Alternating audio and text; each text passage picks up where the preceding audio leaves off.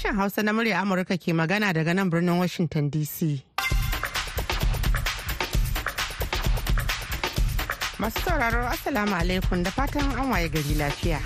Sunana Hauwa Sharif tare nake da dan mutan gumar Sarfila Hashim da sauran abokan aiki a wannan shirin na safiyar yau Juma'a 12 ga watan Janairu shekarar 2024. Kafin ku ji abubuwan da muke tafa da su gasar filin da kanin labarai. To hawa jiya Alhamis babbar kotun Majalisar Ɗinkin Duniya ta fara sauraron karar zargin kisan kiyashi da Afirka ta kudu ta shigar kan Isra'ila. Amurka da Birtaniya sun kaddamar da wani gagarin farmaki kan mayaƙan Houthi da ke samun goyon bayan Iran a cikin ƙasar Yemen. Har kuma za a ji cewa hukumar lafiya ta duniya ta gargaɗin cewa miliyoyin mutane na fuskantar barazanar rasa rayukansu saboda taimakon jin kai na ceton rai baya kaiwa gare su. Kanin labaran kenan.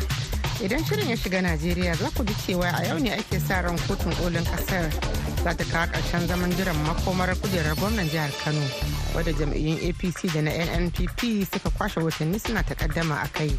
Duk mutumin da aka faɗi wani abu wanda yake na sakamako idan har wanda ake so aka bawa to ka roki Allah tabaraka wa ta'ala ya taya shi idan kuma wanda baka so ne ka roki Allah tabaraka wa ta'ala sharrin da yake tattare da shi Allah mai iko ne ya juyar da wannan sharrin ya zama alheri. Muna kuma tafi da tattaunawa da wani ma'abuci ilimi a Najeriya da ke ganin cewa muddin da ba a samu daidaito bisa adalci na rabon arzikin ƙasa ba a tsakanin kowane ɓangare na jama'a. To da kamar wuya Najeriya ta iya magance matsalar tsaro da ta zama mata alaka kai. Rabon daidaito na tattalin arziki na al'umma ya samu karaya ba a tsara yadda arzikin zai gane na ƙasarsa ba ne shi a matsayinsa don Najeriya. Sannan waɗannan abubuwan ruwan sha Sai biyo mu a cikin shirin domin jin waɗannan da masu sauran rahotanni da ke tafi a cikin shirin kamar kowace ranar Juma'a yau ma muna tafi da shirin manuniya wanda Isa Lawal Ikare zai gabatar. Amma fa sai bayan an saurari kashin farko na labaran duniya. To jama'a assalamu alaikum da fatan an waye gari lafiya. Ga labaran duniya mai karantawa Sarfil Hashim Gumel. Jiya Alhamis babbar kotun Majalisar Ɗinkin Duniya ta fara sauraron ƙarar zargin kisan kiyashi da Afirka ta kudu ta shigar kan Isra'ila, lamarin da Isra'ila da babbar ƙawar ta Amurka suka yi watsi da shi gaba ɗaya, wanda ya ƙara dagula alaƙa Amurka da ƙasashen da ba su amince da hakan ba. A jiya Alhamis ne ƙungiyar lauyoyin Afirka ta kudu ta kaddamar da hujjarsu gaban kwamitin alkalai cewa abin da Isra'ila ta ya zama salon kisan kare dangi. Suna neman a dakatar da yaƙin Isra'ilin cikin gaggawa da aka fara bayan da ƙungiyar gwagwarmayar Falastinawa ta Hamas ta kaddamar da wani mummunan hari ranar bakwai ga watan Oktoba kan fararen hulan Isra'ila. Wanda ya kashe mutane kusan dubu ɗaya tare da yin garkuwa arba'in. Isra'ila za ta gabatar da hujjojinta a yau Juma'a kuma alƙalan na iya ɗaukan shekaru kafin su yanke hukuncin shari'ar. A ɗaya ɓangaren kuma a cikin rahotonta na shekara-shekara ta fitar jiya Alhamis, ƙungiyar kare haƙƙin bil'adama ta Human Rights Watch mai hedikwata a birnin New York ta zargi Isra'ila da aikata laifukan yaƙi. Ta kuma ce gwamnatoci da dama na nuna baƙin cikin ransu kan irin ta'asar da aka aikata a rikicin Gaza. Rahoton ya yi nazari kan halin da ake ciki na kare haƙƙin ɗan adam a ƙasashe kusan ɗari a cikin watanni goma sha biyu da suka gabata. Yana mai bayyana shekarar 2023 a matsayin babbar shekara ta murƙushe 'yancin ɗan adam da ta'addanci lokacin yaƙi. Rahoton na human rights watch ya ce har-haren na ranar bakwai ga watan oktoba da mayaƙan hamas suka kai kan isra'ila wani mummunan hari ne kan fararen hula. Gwamnatin isra'ila ta mayar da martani ta hanyar yanke ruwa da wutar lantarki ga fararen hula miliyan 2.3 a gaza tare da toshe hanyar shigar da mai da abinci da taimakon jin kai wani nau'i na hukuncin gama gari wanda laifi ne na yaƙi. Rundunar sojin isra'ila ta umarci fiye da mutane miliyan ɗaya a gaza da su fice da gidajensu tare da jefin babu mai a wurare masu tarin yawa da manyan makamai inda suka kashe dabban fararen hula.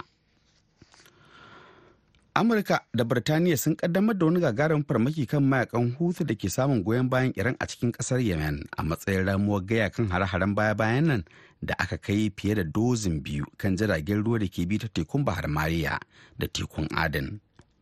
Wani jami'in amurka da yake magana kan yanayin a sake sunansa saboda ba ba su izinin yin magana da manema labarai ba ya ce sojojin amurka da na birtaniya sun kai hari kan mayaƙan huthi a wurare fiye da goma a jiya alhamis. Waɗanda suka da wuraren horo da filayen saukar jiragen sama zuwa wuraren ajiyar jirage marasa matuki jami'in tsaron ya ce har-harin da amurka da birtaniya suka kai sun kai ne da taimakon australia da canada da new zealand da bahrain. An harba su ne ta hanyar amfani da jiragen yaƙi da jiragen ruwa da kuma jiragen ƙarƙashin ruwa. An jima kadan sarfilu zai sake shigowa da ci gaban labaran duniya.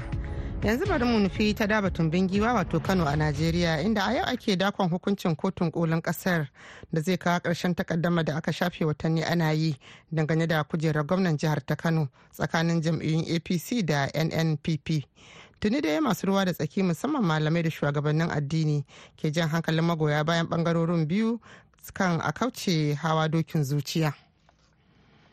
Batun ƙuri'un bogi fiye da 165 da kotun kula da korafin zaɓe ta kano ta ce ta gano a cikin ƙuri'u fiye da miliyan guda na gwamna abba kabir yusuf da hukuncin kotun ɗaukaka ƙara ta abuja kan rashin cancantar gwamnan tsayawa takara a ƙarƙashin inuwar nnpp saboda sunansa baya kundin rijistar 'ya'yanta. Su ne muhimman batutuwa da suka sanya wannan al'amari ya je gaban kotun kolin najeriya wadda a yau ne kotun za ta sanar da nata hukuncin game da wannan takaddama. Tun gabanin bayyana hukuncin kotun farko rundunar 'yan sanda ta kano ta buƙaci shugabannin jam'in apc da nnpp su sanya hannu a kan yarjejeniyar zaman lafiya la'akari da yadda shari'a ta ɗumama yanayin siyasar kano. Mu jam'iyyar apc muna nan akan kadami na hannu da muka saka kan yarjejeniya cewa za mu zauna lafiya ba za mu yi wani abu wanda zai tada hankalin al'ummar jihar kano ba. Ko me ya faru ko me daɗi ko mara daɗi mun fawwala ubangiji. Honorable ibrahim zakar sarina kenan sakataren jam'iyyar apc reshen jihar kano yayin da take bayyana fatan samun nasara a kotun kolin. Ita ma jam'iyyar nnpp mai gwamnati a kano ta ce tana sane da waccan yarjejeniya da ta rattabawa hannu a cewar shugabanta na riko honorable hashim suleiman. To mu dai muna kyauta musu da tuwon allah za su yi adalci. Kuma maganar sa hannu a maganar zaman lafiya mu a tsarinmu na kwankwasiya abin da ba mai da shi ba shine tashin hankali. Ba ma zalunci ba ko goyon bayan a zalunci. Amma duk wanda yake so kuma ya zalunce mu ba za mu zo musu ido ba. Kuma Allah ma ba zai bar shi ba. Wannan batu na hukuncin kotun koli da kanawa da sauran 'yan Najeriya suka daɗe suna dakonsa na ci gaba da jan hankalin masu ruwa da tsaki a cikin al'umma inda har ma malamai ke jaddada nasihar su ga matasa. Malam Mustapha Kamis Ɗandime na cikin malamai da ke karantar da jama'a a Kano. Kirana ga matasa duk mutumin da aka faɗi wani abu wanda yake na sakamako idan har wanda kake so aka bawa to ka roƙi Allah tabaraka wa ta'ala ya taya shi riko. Idan kuma wanda baka so ne ka roƙi Allah tabaraka wa ta'ala sharrin da yake tattare da shi Allah mai iko ne ya juyar da wannan sharrin ya zama alheri. Saboda haka mu sani cewa in wani ne ma zai sa ka ko ya umarce ka addini ya tsara mana a wannan shi ma. Babu biyayya ga wani abin halitta in dai wannan biyayya za ta saba wa mahalicci kowaye shi kar kai masa wannan. Saboda haka ina jan hankalin matasa su hattara su shiga taitayen su su ji tsoron Allah. Ko da yake shugabannin APC da na NNPP sun yi kirarin ci gaba da mutunta yarjejeniyar zaman lafiya. Rundunar 'yan sanda da sauran hukumomin tsaro a Kano sun ce sun shirya tinkarar masu ƙoƙarin zagon kas ga tsarin zaman lafiya da kwanciyar hankalin jihar Kano. Kowa ya san muhimmancin jihar Kano a Najeriya. Ba za mu yadda muna ji muna gani wani ya kawo wani son zuciya ko wata ƙungiya a yi amfani da wata dama a tada hargitsi a cutar da al'umma ba. Don haka muna kira da mutanen jihar kano kada su firgita. Abin da kawai za su yi mana shine duk inda aka ga wani motsi da ba a fahimta ba na a cutar da jama'a a sanar da mu kuma duk mutumin da yake son ya tada kayar baya to a shirye muke mu yi fito na fito da shi. Alhaji muhammad usaini gumel kenan kwamishinan 'yan sanda na kano mahmud ibrahim kwari muryar amurka daga kano nigeria. Madalla an gaida Muhammad Ibrahim Kwari. Ana tare ne da sashen Hausa na murya Amurka a birnin Washington DC kai tsaye ana kuma iya sauraron shirye-shiryenmu da suka gabata a shafukanmu na yanar sadarwar Facebook, Twitter da Instagram. Yanzu gasar fili ya sake shigowa da ci gaban labaran duniya. Hukumar lafiya ta duniya ta yi gargaɗin cewa miliyoyin mutane da lurorin kiwon lafiya tashashen hankula ke haifarwa suna fuskantar barazanar mutuwa daga raunuka masu rauni da cututtuka saboda taimakon jin kai na ceton rai baya kaiwa ga mabukata. A cikin ɗaya daga cikin maganganunsa masu ƙarfi ya zuwa yau, babban sakataren hukumar wato WHO Tedros Adhanom Ghebreyesus ya zargi gwamnatin Isra'ila da toshe muhimman kayan agaji ga Gaza. A cikin wani jawabi da ya yi wa manema labarai a ranar Laraba, Tedros ya ce aikin jin kai zuwa arewacin Gaza da aka shirya yi a wannan rana, wanda shi ne na shida tun ranar 26 ga watan Disamba, dole ne a soke saboda an yi watsi da bukatunsu na ba su tabbacin wucewa lami lafiya.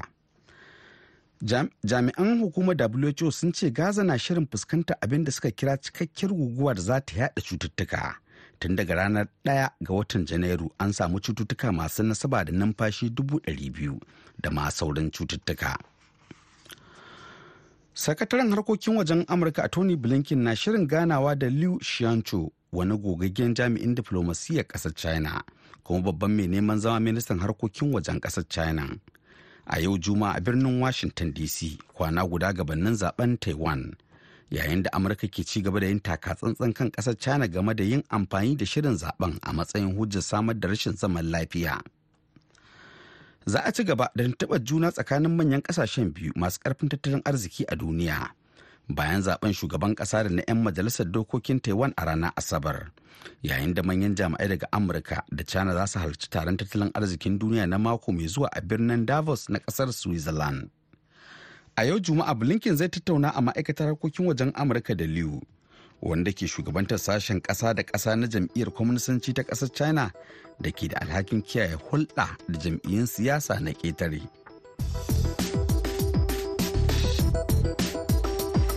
Sarfila hashin aka saurara da labaran duniya daga nan sashen hausa na murya amurka a birnin washington dc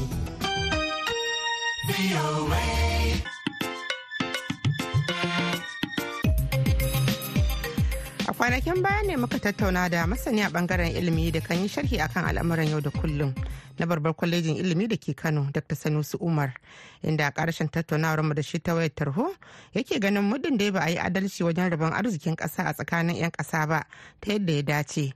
To da kamar wuya a iya magance matsalolin tsaro da ma sauran matsaloli da suka dabaibaye najeriya.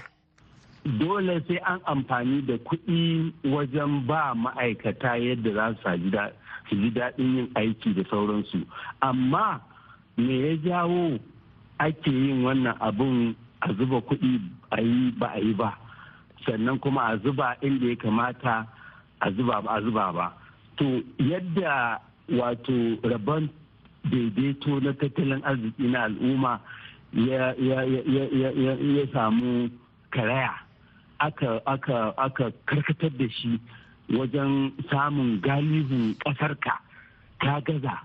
Abubuwa da za su taimaka mutum tunaninsa ya zamanto ya ɗau seti tunaninsa ya zamanto mai kyau ne. Gwamnatoci ta kasa yinsa. Saboda haka shi ne ya jawo in aka ɗauki soja aka ɗauki polis aka ɗauki waye ma'aikaci ta kansa yake yi ba ƙasarsa yake ba. Saboda an yi wa tashi yana da wata ƙishiruwa daman kafin ya zamanto ya samu anini ɗaya ko ya sami igiya uku ko ya zama general ko ya wani dama yana da wata kishirwa ko ya zama wani commissioner of police ko ya zama wani commissioner ko menene. Kishirwan nan daman an gasa masa ita kafin ma ya je gurin. Saboda haka ya zo ne daman ya sha ya koshi ya zama to ya kauce. To wannan daga baya ne tun farko ba a tsara yadda arzikin zai gane na ƙasarsa ba ne shi a matsayinsa dan Najeriya. to sai wannan raba daidan an daidaita al'umma. Abubuwan da ake jin yawanci al'umma suna gaza samu. Misali karatu mai inganci wurin kwana mai inganci hanya mai kyau sutura mai kwari mai kyau lantarki. Sannan waɗannan abubuwan ruwan sha abinci abubuwa irin waɗannan abubuwan gwamnati ta watsi da su ba a samarwa al'umma ba.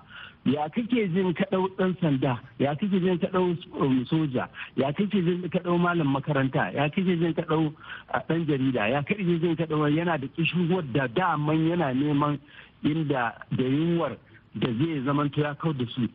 So saboda haka in an zuba kuɗi ma yanzu kuɗin babu. Saboda haka a faro a yi aiki wanda zai yi wa al'umma ya ba su garantin cewar idan na yi kaza zan samu kaza a matsayina na ɗan ƙasa. Idan na yi laifi za a hukunta ni a matsayina na ɗan ƙasa. In na abin kirki za a yabe ni a matsayina na ɗan ƙasa. Idan na yi wani abu wanda zai ƙari al'umma ta na sani mai kyau ne.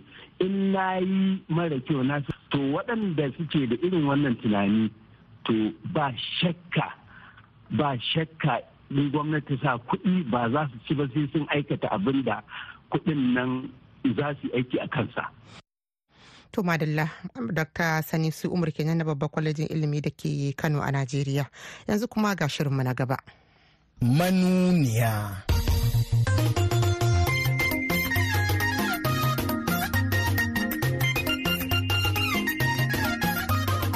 Matan nan a tsaurara bincike ba mu hana a yi bincike ba amma wani abin da ake ta zargi gaskiya ba haka yake ba. Kawai dan rashin yawan mu ne shi yasa kowa ya maido hankalin shi akan mu. Ya fito kiri-kiri wa'annan mata da aka zarge su in sun yi wa'annan laifuffukan a hukunta su kuma a ƙwace kuɗin. Wasu mata kenan ke daddale dalla-dallan dalilan damkar matan da ake zargi da almundala da daudala da dalar dala. Ita kuwa tsohuwar shugabar mata ta ƙasa a tsohuwar jam'iyyar asian a nigeria hajiya hafsat muhammad baba cewa take kuskure ne yin kuɗin gora ga matan nigeria saboda kawai da an kama wasu daga cikinsu da badakala. Gaskiya bai kamata a ce an haɗa mu an yi mana jimilla an yi mana kuɗin gora ga baki ɗaya ba. Gaskiya bai yi daidai ba kuma ba a yi mana adalci ba. Akwai mata da yawa waɗanda aka ba su ragama shugabanci kuma suka yi abin da ya kamata kuma har aka yaba musu. Su kuwa masana harkokin shari'a nigeria cewa suke yadda ake gasar gabzar dukiya a Nigeria ta riga ta zamarwa ƙasar matsananciyar matsala. Idan ya zama na ya zama al'ada ce kawai kowa ya kujera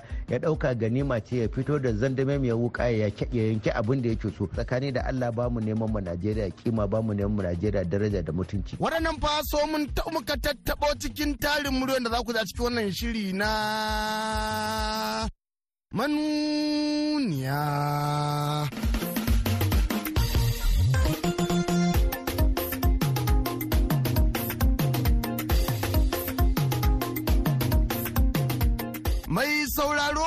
Assalamu alaikum barkamu da wannan lokaci kuma sanin da sa'ar sake saduwa a cikin sabon shirin manuniyan da kan zo muku cikin harshen Hausa zalla. Shiri na ɗari da hamsin da biyu cikin jerin shashiren manuniyan da kan daddale muku bayanai dalla-dalla. Daddale dalla-dallan dalilan danne kuɗin 'yan ƙasa a Najeriya kuma ya sa malami a kwalejin ilimi ta tarayya da ke Zaria Malam Suleiman Lawal ma da ya murgino buƙatar magance matsalolin cin hanci rashawa a Najeriya. Da ya ce ai gwamnatin baya ma dai ita ta sa maganar amala. Gaskiyar magana idan ka kalli yadda ita gwamnatin da ta gabata ta yi da kuma wadda take yanzu za mu kyautata ma wannan zato cewa zai yi abin da ya kamata yi akan duka jami'an da suka yi ba daidai ba a ƙarƙashin gwamnatin shi. Misali in ka ɗauki gwamnatin da ta gabata shine ka ɗauki kes ma na tsohon babban bankin da kuma wasu ministotan shi wayanda tun yana kan mulki an ta zarge-zargen shi in ka ɗauki kamar ɗan majalisar nan da shi gudaji kazauri honorable ya ta maganganu akan tsohon gwamnan babban banki a mefele. An ta kiraye kiraye ya ɗauki matakai akan wasu amma ya toshe kunnuwan shi. Kuma kuma ya ba yan najeriya kunya rashin irin wa'annan matakan da shi tunumbu yake ɗauka wanda shi bai ɗauka a baya ba. Amma ana cewa kada fa a je a fara yaban dan kuturu bayan bai fitar da yatsa ba. Alhamdulillahi muna mishi aiki mu a matsayin mu na yan adam kamata ya ka kyautata mutum zato. Tunda har yayi hubbasa din ai shi ma farkon gwamnatin shi akwai abubuwan da an ta kyautata mishi zato. Ana cewa bai nada ministoci ba bai yi waye ba da wuri in baka manta ba duk wannan uzurin an yi. So saboda haka shi ma kamata ya ce an bashi uzuri. Yanzu yayi abin da ya kamata ya yi. In gobe kuma bai yi abin da ya kamata ya yi ba za mu fito mu ce a'a bai yi abin da ya kamata ya yi ba ko kuma ya zama kamar wani gishirin andur. Ya taso fu kuma ya koma ya kwanta. Ita kuwa yan rajin kare haƙƙin mata hajiya mariya ibrahim baba cewa take duk wanda ya dumbuji dukiyar ƙasa kawai a ɗauki mataki a kan shi domin babu wata maganar mace ko namiji akan wannan harƙalla. Ba bambanci tsakanin namiji da mace a wurin tafiyar da harkar gwamnati. Tunda kowannen su sai da ya rantse da Qur'ani. So kowaye namiji ko mace da ke riƙe da madafun iko a ƙasar nan aka kama shi a hukunta shi. Kuɗaɗen nan kuma a karɓo su a dawo da su. To idan ana hukunci wani daga baya taso shi ba zai yi tunanin yin haka ba zai tsorata. Da fa ana lissafin miliyan miliyan ne fa. Kin ga yanzu an dawo zancen trillion. An wuce biliyan ma an kai trillion. Ni yanzu kika shaƙe ni ma ban san ya trillion yake ba. Amma kuɗi da ake ɗiba ƙasar nan yanzu ya kai la haula wala quwwata illa kuma an yi shuru sai dai a zo bu a yi surutu a watsar. Abubuwa duk sun burbule komai ya lalace. Saboda haka fi sabilillahi ni ina ba gwamnati shawara ya fito kiri-kiri waɗannan mata da aka zarge su a tabbatar an kai su inda ya kamata a bincike su a tabbatar in sun yi wa'annan laifuffukan a hukunta su kuma a ƙwace kuɗin. Amma middin ba hukunci to fa in gaya muku fa yare iye na na ne waƙan yan mata. Sai dai kuma ita tsohuwar kwamishiniyar mata a jihar Kaduna kuma tsohuwar shugabar mata ta tsohuwar jam'iyyar ACN a Najeriya Hajiya Hafsat Muhammad Baba cewa take kuɗin goron da ake neman yi wa mata biyo bayan zira zargin zukulkule kuɗin 'yan ƙasa da aka yi wasu matan ka iya yi wa matan ƙasar nan illa. Gaskiya bai kamata a ce an haɗa mu an yi mana jimilla an yi mana kuɗin goro gabaki ɗaya ba. A ce kowace mace irin halin ta kenan. Gaskiya bai yi daidai ba kuma ba a yi mana adalci ba. Su wa'annan mata da suka ba kansu kunya domin ba mata suka ba kunya ba kansu suka ba kunya. Saboda haka ya kamata a hukunta su daidai yadda shari'a ta ce kamar yadda ake hukunta kowa. Saboda ko mata ne ko maza ne idan suka yi abin da ba daidai ba to kamata yi a hukunta su yadda zai zama izina akan sauran mutane. Kuma kada ka manta ai akwai su ma yawancin duk waɗanda ake samu ai mazaje ne ma. To saboda haka in su maza sun yi ya zama musu kwalliya ne matan ne ya zama musu ba daidai ba. Ba wai na ce a'a abin da matan suka yi daidai ba. Amma bai kamata a ce ana kallon mu da irin wannan fuskar ba. Kowa da akwai irin halayenta akwai daga inda ta fito da kuma irin gudunmuwar da take bara akwai mata da yawa waɗanda aka ba su ragama shugabanci kuma suka yi abin da ya kamata kuma har aka yaba musu a cikin Najeriya ko kuma ma a wajen Najeriya din shi yasa muke fatan cewa duk wani wanda za a ba mukami a duba a ga su wane irin mutane ne ya kamata a ba irin wannan mukami. Suna da rikon amana wace gudunmuwa suka ba ƙasa ko wace gudunmuwa suka ba jama'a tun daga kan gidajensu har ƙananan hukumominsu har matsayin jihohinsu kafin ma a zo ga gwamnatin tarayya. Ai duk abin da ya kamata a yi bincike kenan. Kada a ce na san wance ko a'a wance tana tare da wani ko tana tare da wance shi yasa aka bata mukami a'a daga yanzu a dinga dubawa a tantance. Amma wannan muna fata ba zai sa a hana mata nasu ka son na ba da gudunmuwa a cikin al'umma ba. Kuma kada ka manta wannan fa yarinya ce. Saboda haka su ma kansu matasa suna cewa a ba su a ba su a ba su. To gashi yanzu an ba su amma kuma gashi irin abubuwan da suke saboda haka su ma ya kamata a ce ya zama musu darasi. Wannan kuma ana zuwa ne a daidai lokacin da ita shugabar ƙungiyar mata zalla hajiya saratu sa'a musawa ke cewa ƙarancin mata cikin gwamnati ne fa yasa ake yawan zira musu zaren zargin walawala. To babban kalubalen da ake samu shine matan da ba mukaman ake zargin su kullum a ce mata kaza mata sun yi kaza mata sun yi kaza. Matan nan a tsaurara bincike ba mu hana a yi bincike ba amma wani abin da ake ta zargi gaskiya ba haka yake ba. Kawai dan rashin yawan mu ne shi yasa kowa ya maido hankalin shi akan mu. Amma muna son gwamnati ta ƙara sa ido ta ƙara bincike. Kuma muna kira ga gwamnati da roƙon gwamnati. Wa'anda wasu ke wahala ga hidimar siyasa hau ba da su ake yi ba. Wasu wa'anda ke kwance su ake ɗaukowa ana ba. Saboda haka a ƙara yawan mata a ƙara jawo matan da suka yi wahala suke tare da al'umma a ƙara jawo su a ɗora su kan mukamai to su ne muke tunanin za su ji tausan al'umma kuma duk abin da aka sa su su yi in aka samu yawaitan matan to za a iya hidda baragurba a cikin mu insha Allah. Shi kuwa masani karkokin shari'a kuma mai sharhi a kafafen labaru barista mai nasarar kogo Umar dagewa ya cewa akwai buƙatar ci gaba da buga bincike don kwakulo duk wata kwama calar da ke jefa Najeriya cikin wahala. Dole ne yanzu na 'yan Najeriya za mu buɗe ido mu gani a hanzar ta yi mata hukuncin da ya kamata. Mai yiwa kuma ba ita kawai ba sauran ministocin akwai waɗanda su ma suke da ɗanyen kashi irin waɗannan. Da ministoci da shugabannin madafa da duk wani wanda yake za a naɗa shi mukami musamman ma waɗanda suke ƙarƙashin sashe na 174 da 153 da 200 da mai tan da goma sha huɗu zuwa mai tan da goma sha takwas. Ya kamata lalle lalle a tashi a yi ƙoƙarin tsaftace najeriya. Idan ya zama na ya zama al'ada ce kawai kowa ya kujera ya ɗauka ganima ce ya fito da zandame mai wuka ya yanke abin da yake so. To gaskiya tsakani da allah ba mu neman mu najeriya kima ba mu neman mu najeriya daraja da mutunci. Musamman ma a yanzu lokacin da najeriya kwangago kwan baya mutane suna samun wahala na su iya cin abinci suna samun wahala na su iya yin walwala suna samun wahala na su iya neman ilimi ko lafiya ko wasu abubuwa. To dole ne a talalauta arzikin da muke da shi a ƙasa domin a yi mu jama'a hidima.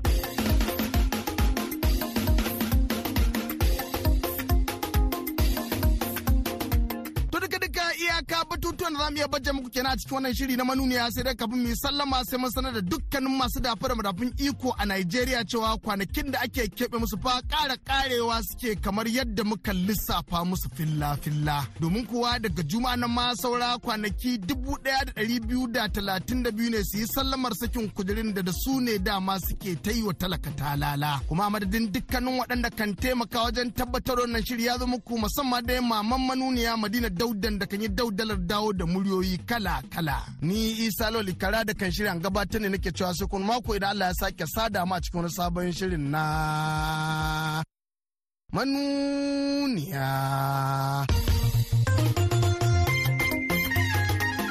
To madalla an gaida na ikara da wannan shiri masu sauraro yanzu kuma ga nasihar Juma'a. Assalamu alaikum wa rahmatullahi ta'ala wa barakatuh. sunana Idris Bashir limamin babban masallacin Juma'a da ke Aba cikin jihar Abia ke kudancin Najeriya. A nasihar mu ta yau insha Allah za ta karkata ne akan abin da ya shafi hukunce-hukunce ko tsari na adalci akan abin da ya shafi hukunce-hukunce. Kamar yadda ya zo a cikin Alkur'ani mai girma Sura ta huɗu aya ta ɗari da talatin da biyar cikin suratun Nisa Ubangiji madaukakin sarki yana faɗa mana ya ayyuhal ladzina amanu kunu qawwamina bil qist shuhada lillahi walau ala anfusikum aw al walidaini wal aqrabin in yakun ganiyan aw faqiran fallahu awla bihima فلا تتبعوا الهوى أن تعدلوا وإن تلوا أو تؤردوا فإن الله كان بما تعملون كبيرا wannan ayar ubangiji subhanahu wataala ya jawo hankalin muminai su zamanto masu adalci a cikin dukkan al'amuransu na yau da kullum. Yala Allah gidanka ne yala Allah karamar hukumar ka ne yala Allah a jihar ka ne yala Allah a ƙasar ka ne. Ya zamanto akwai adalci al'amuran da ake gudanarwa musamman abin da ya shafi jagoranci. Ya yan uwana da musulmai da waɗanda ba musulmai ba mun san ƙasar mu musamman Najeriya ta shiga halin kakanikayi wai me ya jawo? Rashin adalci ne? Kuma rashin bin tsari da Allah ta'ala ya saukar shi ya sa muka tsinci kanmu a cikin irin waɗannan fitintunu. Za a kama mutane sun yi laifi amma ba za a yi musu hukunci ba. Haka zalika za a kai wa mutane hare-hare ba tare da an duba menene alhakin da ya ɗoru a kan waɗannan mutanen ba. Wannan matsalolin da ake fama da su a ƙasar nan babu abin da zai mai da mu akan turba sai mun koma akan abin da Allah ta'ala ya ce a yi kuma ya ce a bari. Wannan shine abin da ya kamata hukumomi da jagorori da malamai da sarakuna da dukkan wani dai wanda yake da hannu a cikin al'amuran jama'a idan aka ce adalci ana bukatan adalci ne a ko'ina. Wanda idan mutum ya zo latti ya san cewa lallai ya yi latti a wajen aikinsa. Idan kuma bai zo ba ya san bai zo ba amma kuma idan wata ya kare zai kwashi dukiyar mutane a matsayin abin da ya ɗauka na cewa an biya shi wanda kuma hakan ba daidai ba ne nake kira mu gyara.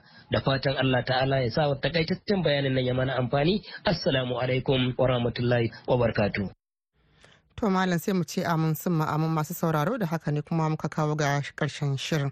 Sai dai kafin mu yi tabar ma a yau muna mika gaisuwar ta'aziyya ga mama Caroline da Janet Lamda domin rasuwar etta Nanle Esther Lamda Dashe wadda ta rasu a ranar biyu ga wannan watan.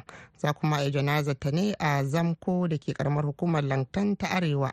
da fatan Allah ya sa ta huta ya ba dangi haƙuri da jimirin wannan rashi. Mu kuma ya kyauta ƙarshen mu. Muna kuma ta iyalan marigayi sarkin kefi na sha huɗu alhaji muhammadu da ya musa da iyalan marigayi alhaji shehu abdullahi.